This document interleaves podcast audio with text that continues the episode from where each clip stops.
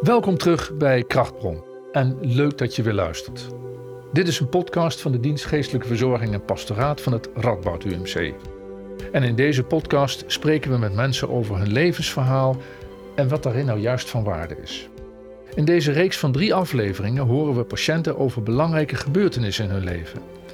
Wat periodes van ziek zijn daarin hebben betekend en wat voor hen in deze periodes dan ook weer bronnen van kracht zijn. Soms komt het vrijwel uit het niets, de ontdekking dat je ernstig ziek bent. Dat geldt ook voor Renate Alverink, een patiënte die ik regelmatig spreek op de dialyseafdeling van het Radboud ziekenhuis. Janiek ging met haar in gesprek. Dit is de aflevering Een vol leven. Ik heb zonder het gemerkt te hebben jarenlang veel te hoge bloeddruk gehad. Ik had ook geen hoofdpijn, geen niks. Wel een bepaald gespannen gevoel. En op een gegeven moment, uh, toen uh, zei de huisarts, nou, uh, toen zijn we nog voordat we gingen werken, even langs de huisarts. Toen had ik een bloeddruk van 260 bij 180. Ja, dat is een beetje kritieke grens, hè? Mm. En even langs de randbouw dacht ik zo, hè? Eventjes langs. En toen waren de mensen die in opleiding waren, die hebben mijn bloeddruk gemeten. Ja, dat weet je bij de randbouw, dan neem, je ook voor lief. Vind ik helemaal geen punt. Mm. En ja, en die zei dus hoe hoog die bloeddruk was. En diegene die de opleiding gaf, die had zoiets van: kijk nog eens een keer goed hè, wat je aan het doen bent. En drie keer achter elkaar hetzelfde. En toen heeft hij zelf geweten. En toen is hij, hij heeft niks gezegd tegen mij. Hij is direct doorgelopen naar de professor. Mm. En die heeft dus ook gekeken. Nou, ik moest direct opgenomen worden in verband met de ogen. Want uh, het is een hele linkerzaak geweest. Dus ze hebben mij opgenomen. En toen zijn er alvast onderzoeken begonnen. Ja, en, het, uh, en toen bleek dat ik al één nier had die niks meer deed. Uh, ik heb dus uh, kiestes in mijn nieren. Mm. En, hoe heet het, en die andere ook nog maar heel weinig. Mm. En toen kwam de hele zaak aan het rollen. Jay. Ja. En um, toen u hoorde dat die nierfunctie zo be ontzettend beperkt was, ja. wat, wat was uw reactie? Ik heb direct aan mijn moeder gedacht. Want die had ook eigenlijk uh, ja, heel lang hoge bloeddruk gehad. En uh, hoe heet het, ook na de hand slecht werkende nieren. Hmm. Mijn zuster die nog leeft, die tien jaar ouder is dan ik, die heeft er ook mee te maken. Hmm. En mijn broer dus ook, want op een gegeven moment heeft hij ook jichtaanvallen gehad en zo. Dan moet je altijd uh, denken van, is er iets niet in orde? Maar die hebben het in veel mildere vorm. Ja, dus u dacht meteen, oh, dit is ja. te relateren aan de familie. Ja, nou, dat zie je dus in heel veel families. Mm -hmm. Want uh, mijn man die is inderdaad ook uh, overleden, een half jaar geleden. Aan de gevolgen uiteindelijk van de ziekte die hij gekregen heeft. Ondanks dat hij negen jaar ouder was dan ik, was hij al te veel gezonder. Hè? Hm. Totdat op een gegeven moment herkende ik symptomen. Hm. En ik heb proberen hem naar de huisarts te brengen. Of te sturen, maar hij ging niet. Heel eigenwijs. Echt Twents eigenwijs. en uh, die bleek de suiker te hebben. En dat Mm. zit heel erg in die familie. Mm En ik zag de symptomen ervan hoor. Ja. ja. En uh, uiteindelijk, ja, die ogen werden al slecht, daar gaan ze maar Mm, door. tje. En toen heeft hij inderdaad in uh, 2009 heeft hij een dubbele herseninfarct gehad. Dus ik werd ook nog eens een keer even mantelzorger daarnaast. Ja, want dan bent u eigenlijk uh, al lange tijd behoorlijk ziek, Ja. zou ik zo kunnen stellen? Ja, Ja. ja ik ben geopereerd in 2006. En daarvoor was ik al een aantal jaren ziek. En ging ik altijd voor controle naar de Radboud. Mm. En ik had één aneurysma. Mhm. Dat is een verwijding van de slagader in de buik. Die hebben ze in de gaten gehouden. En ook daar weer, hè, mijn oplettendheid. Hoor. En op een gegeven moment zei ik tegen die internist... ik heb een heel raar gevoel bij mijn hart. Het doet niet zeer, Mhm. maar het is net alsof er een, een belletje lucht... in een flessenhals omhoog kruipt. Mhm. Hij vond het heel vreemd. Hij heeft toen onderzoek laten doen. Daar is een echo gemaakt en Mhm. allerlei andere dingen. Is niets uitgekomen. Maar uiteindelijk is dat aneurysma in de buik te wij- wijd geworden. Ja, en dan sta je op knappen als het ware dus. Hè. En je verbloedt dan ook heel snel hoor. Dus ze hebben gezegd, nou, dan moet ingegrepen worden. Dat zou ook in de Radboud gedaan worden. Eén aneurysma konden ze wel gaan opereren. Maar toen, ja, dan ga je de CT-scan in. En eh, dat rare gevoel, wat ik bij mijn hart had, dat was de tweede aneurysma. En toen was het over bij de Radboud hoor. Hmm. Toen ben ik dus uiteindelijk naar uh, Nieuwegein gegaan. Ja, ja. En sinds die na die operatie heb ik dat gevoel ook niet meer. Dus die nieren, dat was al een behoorlijke kluif. En dan kwamen, kwamen Ja. die aneurysma's er nog even lekker tussendoor. Ja, zo. ja, dat is allemaal gevolg van hoge bloeddruk hoor. ja. Tjee. Ja.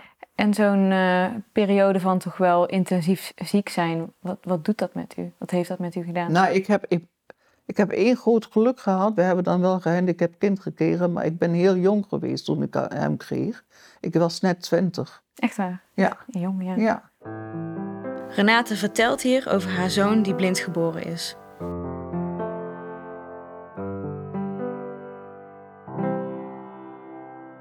En eh, hoe heet het? Dus hij was inderdaad al zelfstandig. Hij woont in Vught met zijn vriendin samen. Mhm. En hij redt zich prima. Maar de reden waarom wij hier naartoe verhuisd zijn, is, is onze zoon geweest. Mhm. Want wij woonden in Emmen. Heel, heel, heel mooi tegen het bos aan. En eh, mijn man had een hele goede baan. Hij is weer teruggegaan naar het onderwijs. Mhm. Maar eh, hoe heet het? ja, onze zoon die wou niet naar een internaat. En daar had, ik, daar had ik ergens begrip voor. Dus wij zeiden tegen elkaar, dan gaan we die kant op. Want je had vroeger Henricus in Nijmegen, waar de jongens naartoe gingen. En Graven waren de meisjes. Mhm. En de meervoudig gehandicapte kinderen. En als u zegt, ehm, eh, ik, heb, ik heb eigenlijk geluk gehad, want, ik- want ik vroeg eh, Ja, van, dat wij wat, inderdaad wat doet af... dat met je, zo'n lange periode van ziekte? En toen antwoordde u met, ik heb eigenlijk geluk gehad, want ik heb heel jong een kind gekregen. Dat klopt. En ik ik was eigenlijk, wij waren eigenlijk vrij snel weer behoorlijk vrij. Wij waren heel erg gebonden door dat kind natuurlijk. Mhm. Dat is ook een van de redenen geweest waarom ik hier in Nederland in het begin niet gewerkt heb. En ik vond mijn beroep hier niks. Want eh, doktersassistent is hier inderdaad in die tijd geweest alleen maar schrijfmachine schrijven en een beetje telefoontjes aannemen. Verder voor de rest niks. Het is nou iets anders geworden. Mhm. Maar dat was voor mij de reden waarom ik eh, gezegd heb, nou, dan Ja. ben ik ook echt 100% voor mijn kind. En trouwens mijn man ook hoor. Na een periode waarin veel zorgen rondom het kind van Renate en haar man waren, ontstond er meer ruimte om tot elkaar te naderen. Samen iets te doen wat hen grote kracht gaf.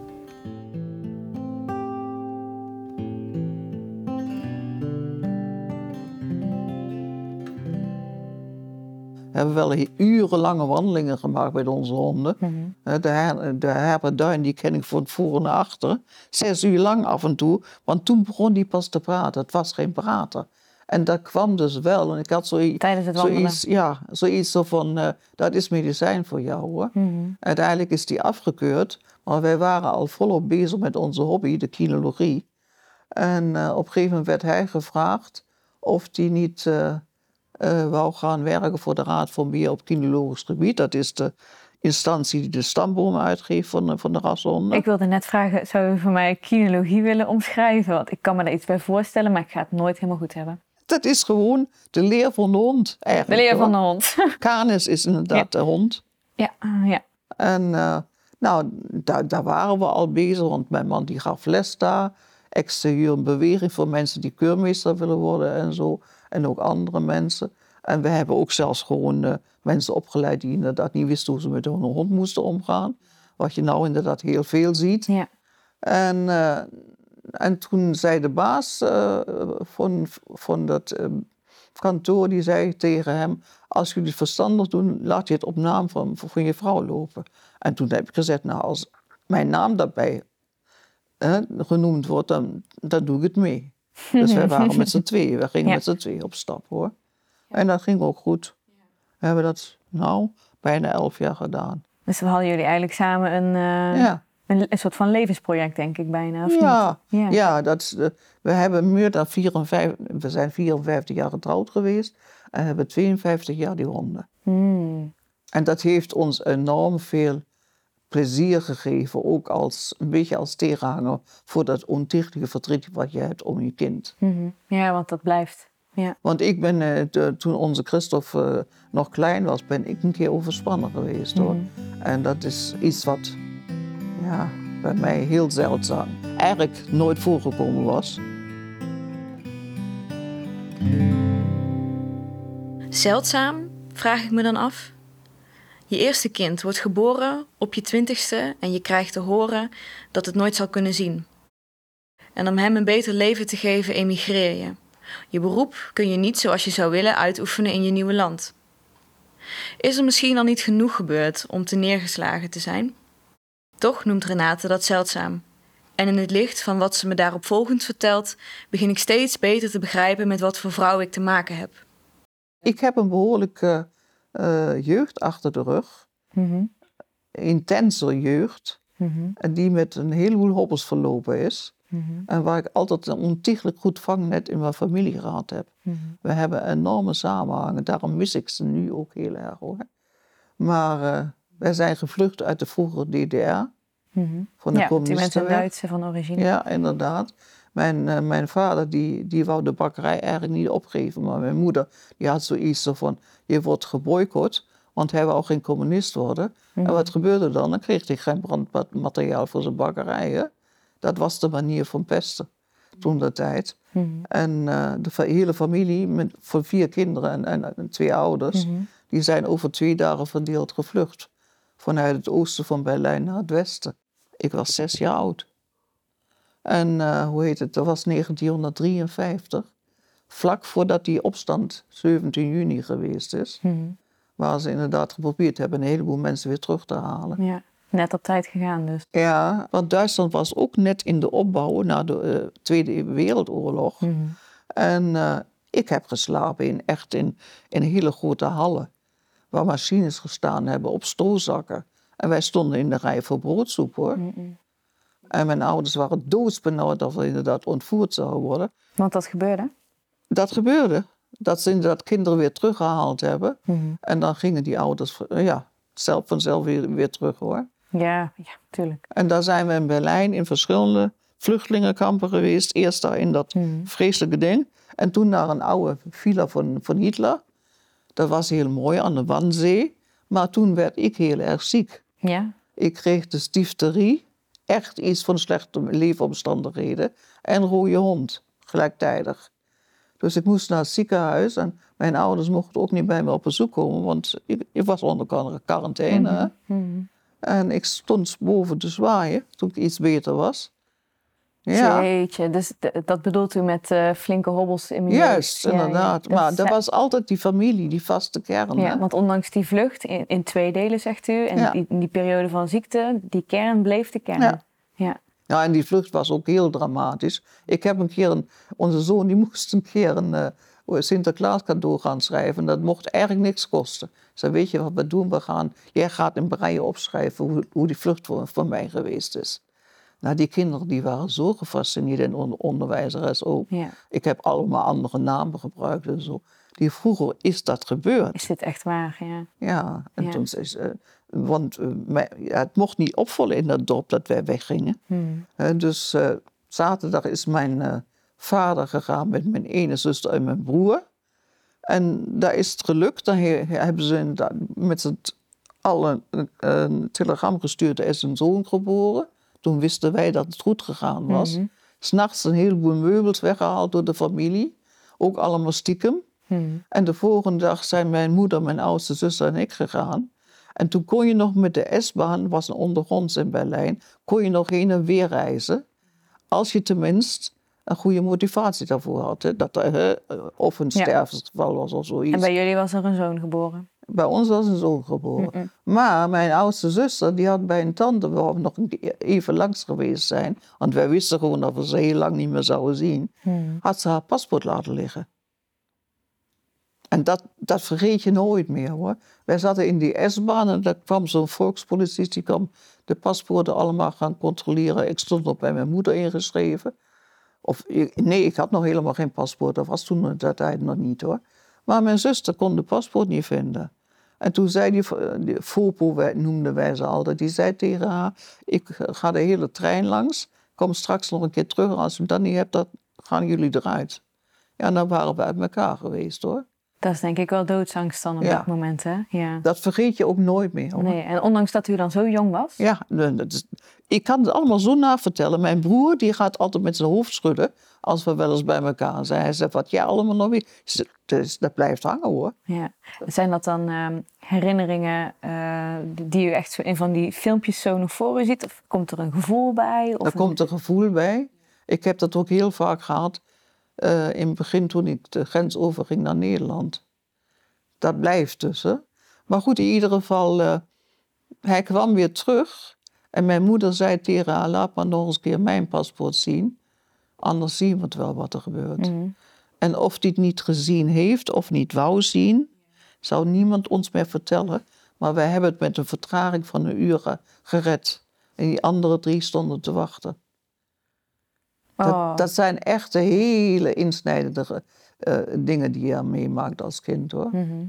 Ja, en toen zijn we in, de- in die villa van Hitler, daar, daar was ik dus ook niet. Op een gegeven moment toen werd er gezegd, wij wouden in de buurt van Düsseldorf eh, eigenlijk eh, gaan wonen, want daar hadden familie. Mhm. En die stuurde altijd met kerstmis pakjes op en zo. Want in de DDR kreeg.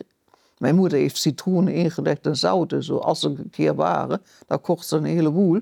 En, en sinaasappels, dat was gewoon... Het, het was gewoon veel minder het leven daar, hoor. En eh, nou, dat ging niet, want wij werden gewoon verdeeld. Eerst naar Hamburg. Daar hebben we inderdaad met vier gezinnen in één klasruimte van een oude school gewoond. Helemaal geen privacy, niks. Ja, dan ging je dan inderdaad bij de stapelbedden ging je wat, wat dekens ophangen om toch een beetje voor jezelf te zijn. En mijn twee oudste zusters, die hadden ondertussen wel een baan gekregen, want mijn ouders hebben een oude echtpaar wat ook in hetzelfde dorp woonde als wij in de DDR, jarenlang een warm eten gebracht elke dag.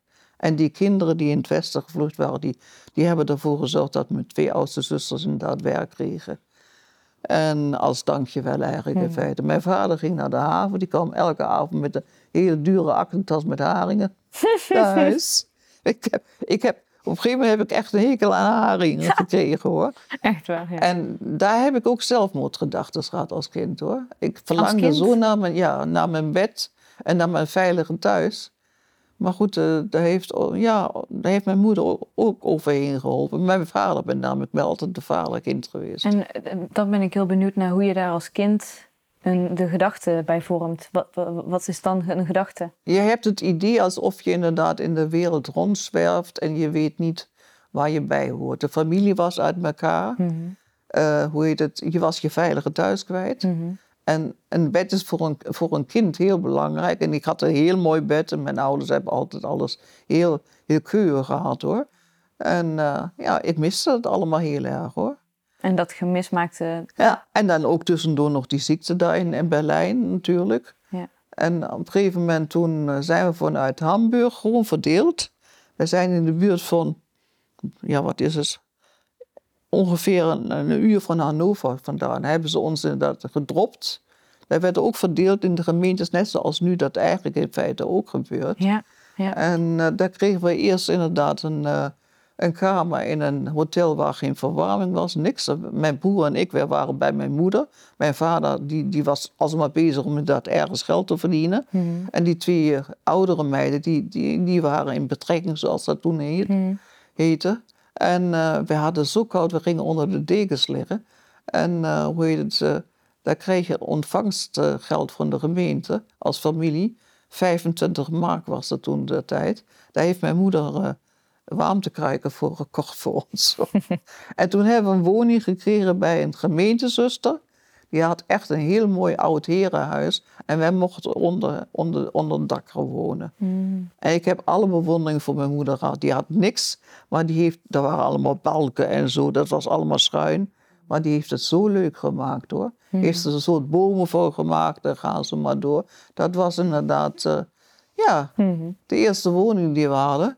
En, eh, en eh, ja, Een die, De boomhut. ja, inderdaad. Maar die, die vrouw die heeft er ook inderdaad, ze was heel streng, gemeentezuster. Mhm. Maar eh, ja, echt middagrust van 1 tot 3. Maar wat ze bijvoorbeeld, mijn vader moest dan altijd haar kippen slachten in de, in de kelder. We hadden een hele grote tuin erbij. En dan, als er, hoe heet het, als er mei was, dan ging ze altijd mee, eh, hoe heet dat, hoe heette die bloemen? Meiklokjes, hè? Mhm. Ja. Die witte. ja, die witte zijn mijn lievelingsbloemen hoor. Mhm. Daar heeft ze inderdaad altijd eh, geplukt in de tuin. Het was een beetje verwilderde tuin. En dan moest ik rondgaan, alle buren zo'n zo'n boeketje brengen. En ik was er hartstikke blij mee, Mhm. want daar kreeg ik een beetje zakgeld hè, Van Ja. de buren. Ja. van de buren. Ja. En ik heb inderdaad ook, vroeger waren dus de trottoirs niet van steen, maar gewoon van, van grond. En die moesten elke zaterdag gehaakt worden. En dat heeft ze ons ook laten doen, dan kregen we er ook iets voor. Was dat eh, weer het eerste veilige thuis na de Ja. vlucht? Ja. Dat heeft wel zijn thuis gevoeld. Ja. Ja.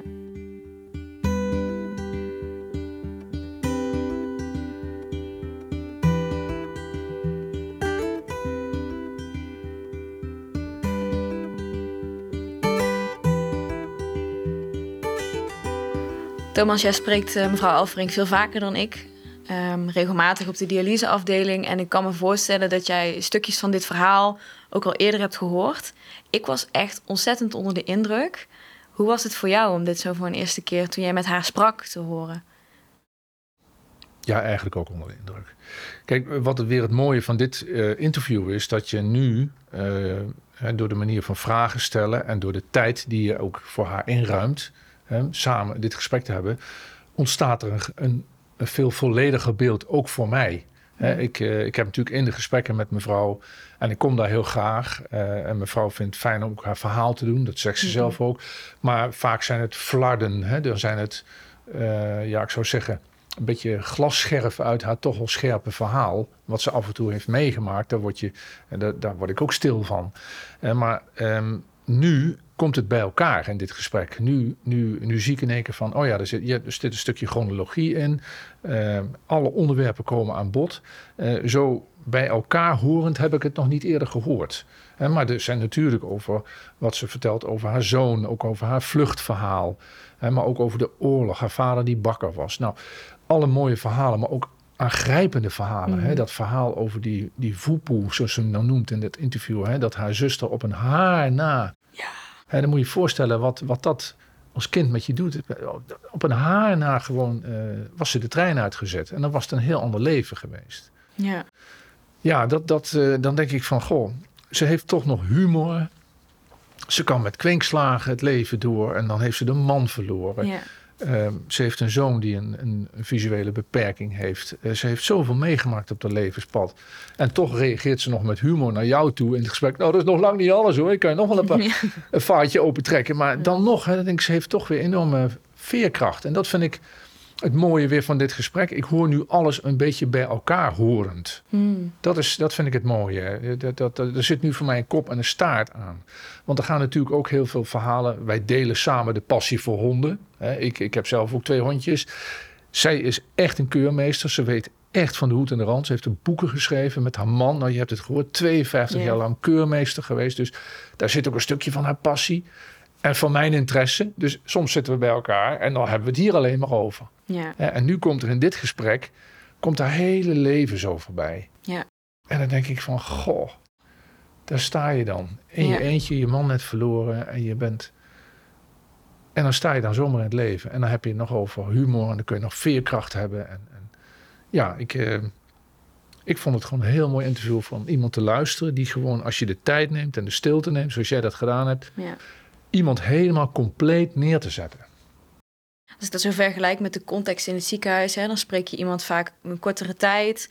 Je weet ook niet of er een arts zal komen, of je gesprek onderbroken wordt. Of, dus je hoort wel heel veel. Maar wat jij zegt, hè, eh, meer echt zo'n levensinterview, eh, eh, krijg, je het, krijg je het hele, of ja, het hele, krijg je een versie van het hele verhaal. eh. Ja. Heb jij ook niet ooit dat je dan bij mensen op de kamer bent, dat je denkt, ah, jammer, ik was zo benieuwd, of ik had zo graag nog meer van jou willen horen, of... Dat je benieuwd wordt naar het hele verhaal in plaats van het kleine stukje wat nou, je... dat, dat niet zozeer, maar wel als ik dan wegloop, dat ik zoals jij dat bijvoorbeeld wel doet, en dat doe ik, probeer ik ook goed te doen hoor, maar ehm, dat, je, dat je denkt, oh, dat woord heeft ze gebruikt. Heeft ze twee keer gebruikt. Daar had ik eigenlijk daar had ik wat meer op moeten, nog even, even niet als een detective, maar daar had ik nog even naar moeten vragen. Hè? Even met mijn thermometer van, ik noem als voorbeeld in dit gesprek, dat voor haar is het heel belangrijk om zich thuis te voelen. Hè? Wat ze Ja. vertelt over die gemeentezuster waar ze met haar gezin kwamen. Toen zegt ze op een gegeven moment, ja, dat heeft als een thuis gevoeld. En dat heeft ze dus klaarblijkelijk ook misschien wel als kind ook wel gemist, een thuisgevoel. Maar hier kreeg ze dat. Dat was een heel belangrijk. Kijk, en daar ga je heel mooi op in. Hè? Dat ze een woning krijgt en Nou, op een gegeven moment van, dan stel je er wat vragen over. En dan komt in één keer dat gevoel naar boven. Ja, dat voelde nou echt als een thuis. Dus dat heb ik wel. Niet zozeer dat ik denk van, oh, ik heb dingen gemist. Maar meer van, oeh, ik heb misschien dat woord of die emotie... had ik nog iets naar, meer naar moeten vragen. Niet als interesse, maar meer van, ja, wat wij noemen tevoorschijn luisteren. ja, hè, ja. van, Ja.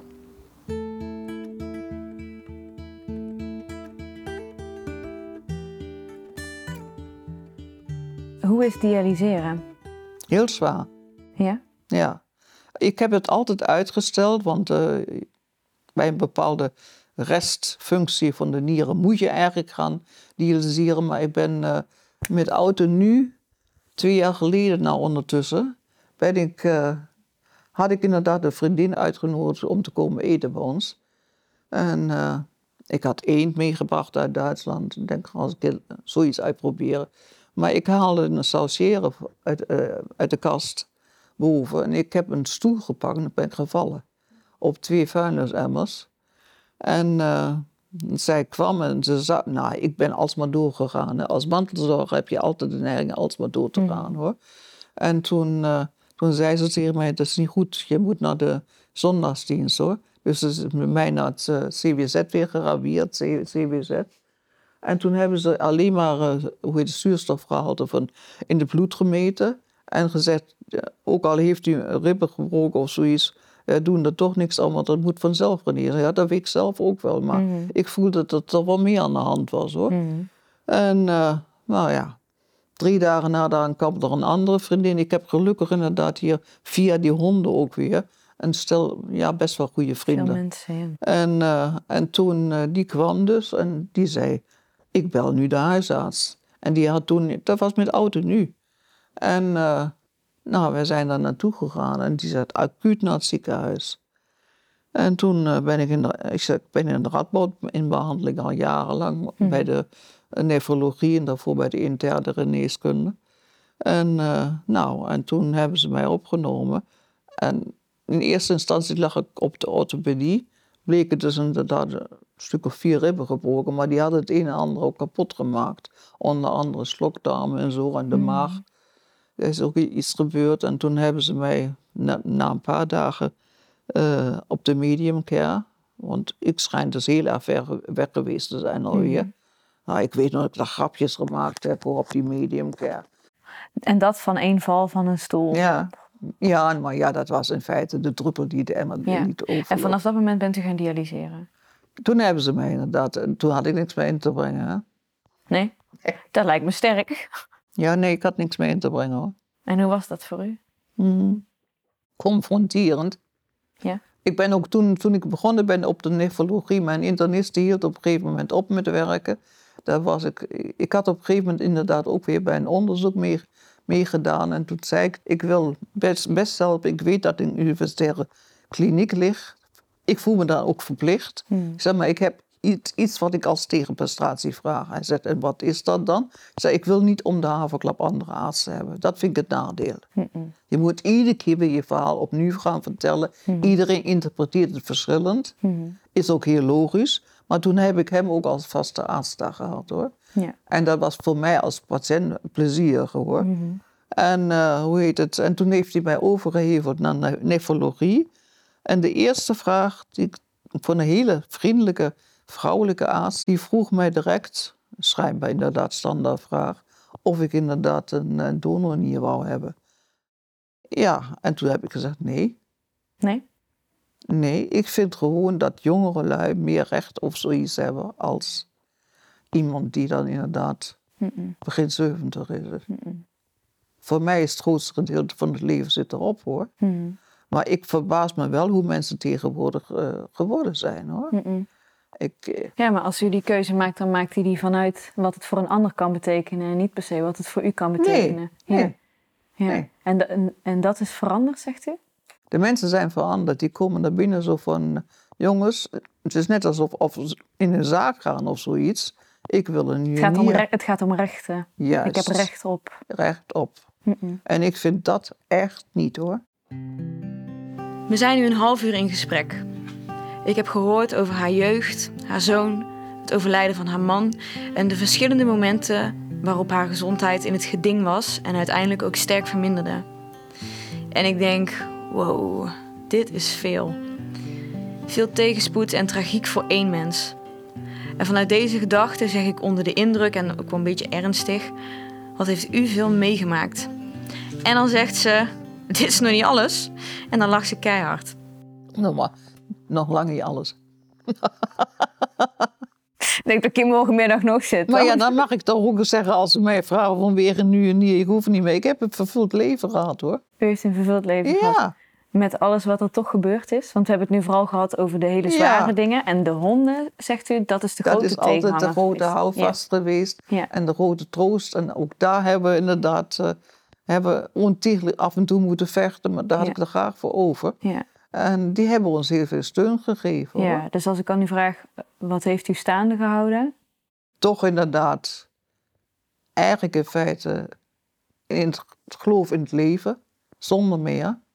En ook dat het altijd weer beter gaat. Ja, En dat slechte dingen ook kunnen helpen om inderdaad nieuwe inzichten te krijgen. Dat heb ik heel sterk gemerkt. En ja, en onze, onze dieren. ja. En waar haalt u het vertrouwen uit dat het altijd weer beter gaat? Want er zijn ook tegenslagen op tegenslagen. Ja, Ja, af en toe, ik heb nu af en toe de fase dat ik zoiets heb, zo van ik zou eigenlijk... Ik, ik heb ook regelmatig in het ziekenhuis gezegd en ook Mhm. op de dialyse. Ik heb hier nog twee opgaves. Mijn, hond, mijn man aan, aan zijn einde brengen Mhm. en mijn hond. En daar kan ik ook op stappen. Ja zo voelt het. Ja, zo, zo, zo, zo praat ik daarover. Ik meen het ook. Ja, ja. En heeft het voor u ook geen zin meer daarna? Nou, onze zoon die heeft zijn leven op zijn rij.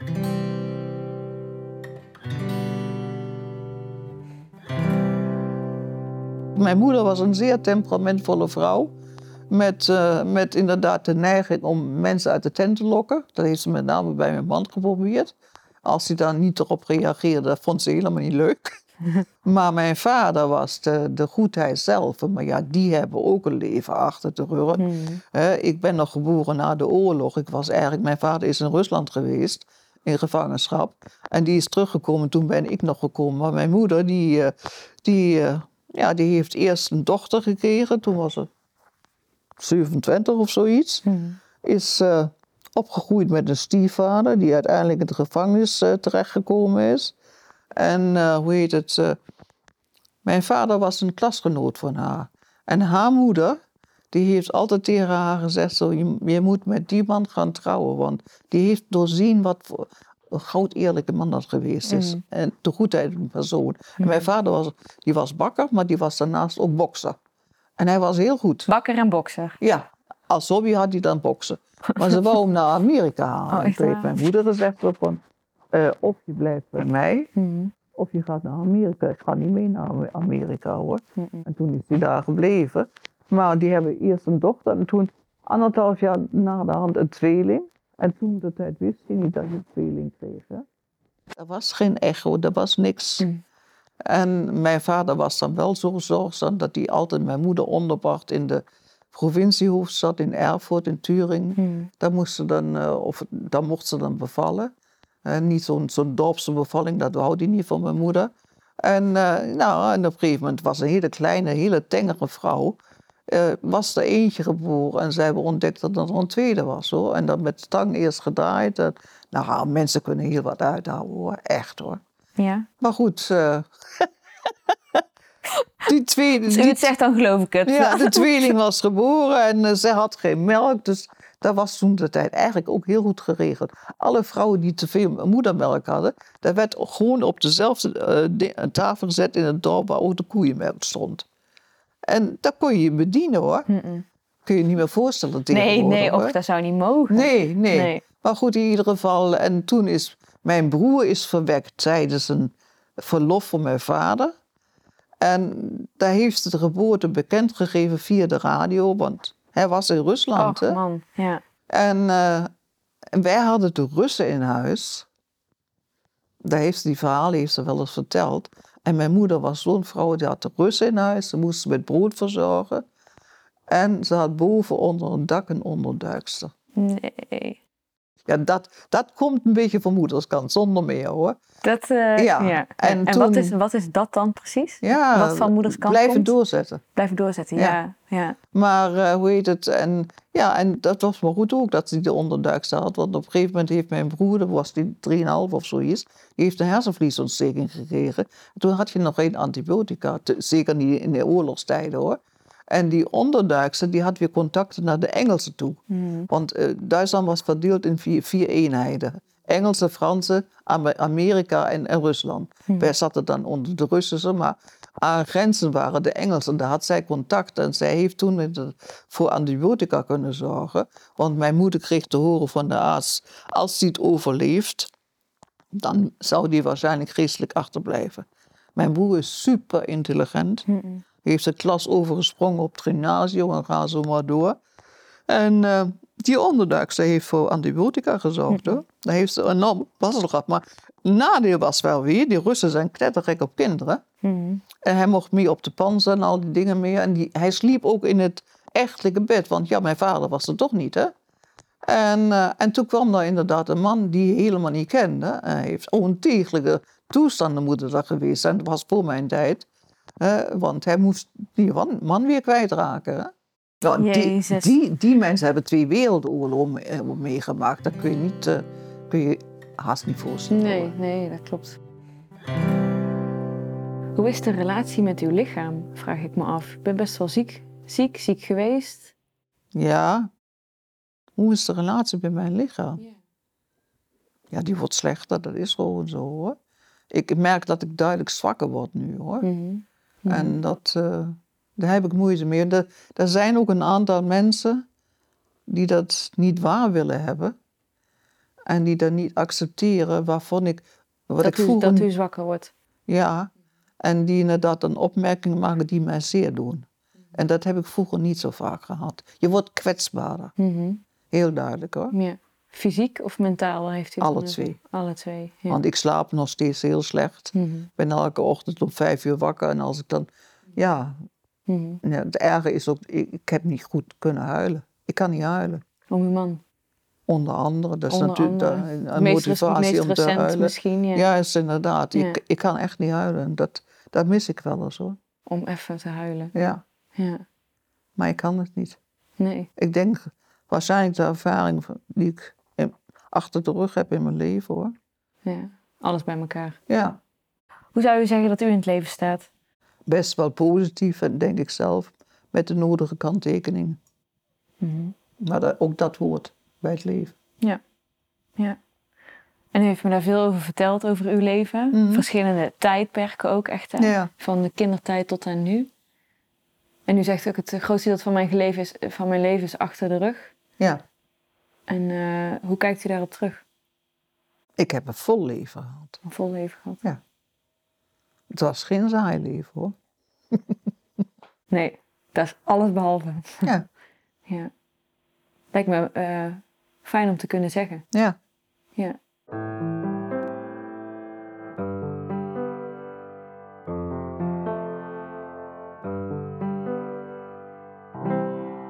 Hoe is dat voor u? Kletskous. Oh, ik, ik vind het heerlijk om te praten. Ja. Dat mis ik het, het meeste. Mijn man die kon Ja. dan wel niet meer communiceren. Want hij had afasie door die Mm, ja. dinges. En ik heb hem wel weer een beetje aan, aan de praat gekregen. En logopedie en zo heeft daar ook niet bij geholpen. Maar eh, aan de telefoon kon, hij- kon hij zich best wel goed verstaanbaar maken. Maar dat heb ik, het, heb ik heel erg gemist. We hebben niet veel gebracht, hij was niet zo'n prater. Maar toch, daar was altijd weerklank. En dat is er niet meer. Nee. En dat mis ik eigenlijk het ergste hoor. Mhm. Ja. En ik moet me gewoon dwingen om normaal te eten, om goed te eten. Mhm. Eh, dat vind ik allemaal niet meer belangrijk.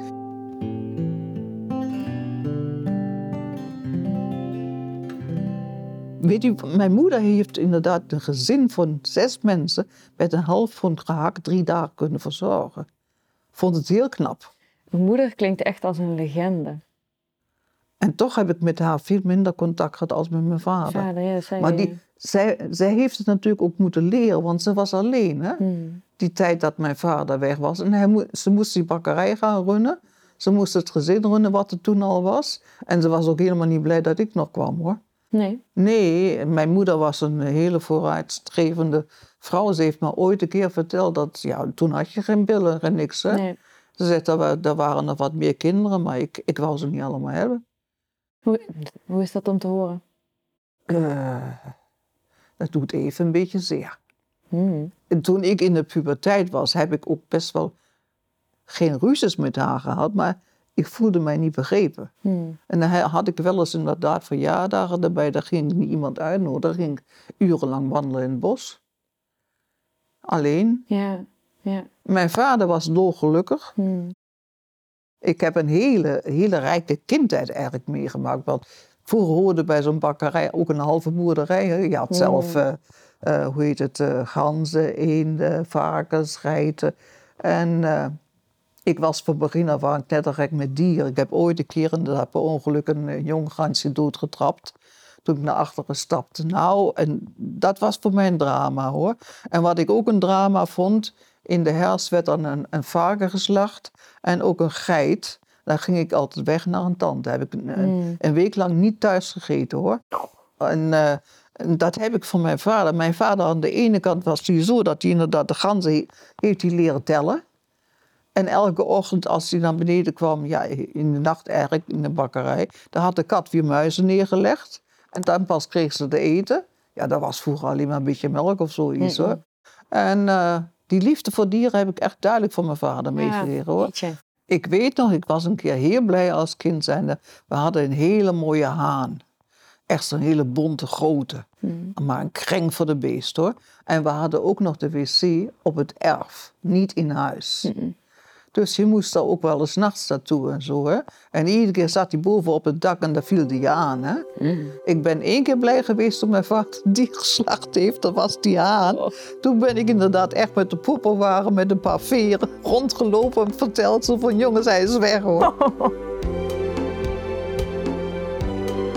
Fijn dat je hebt geluisterd.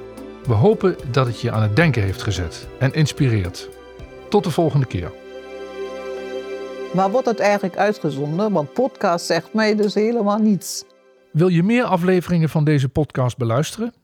Abonneer je dan via jouw favoriete podcastplatform.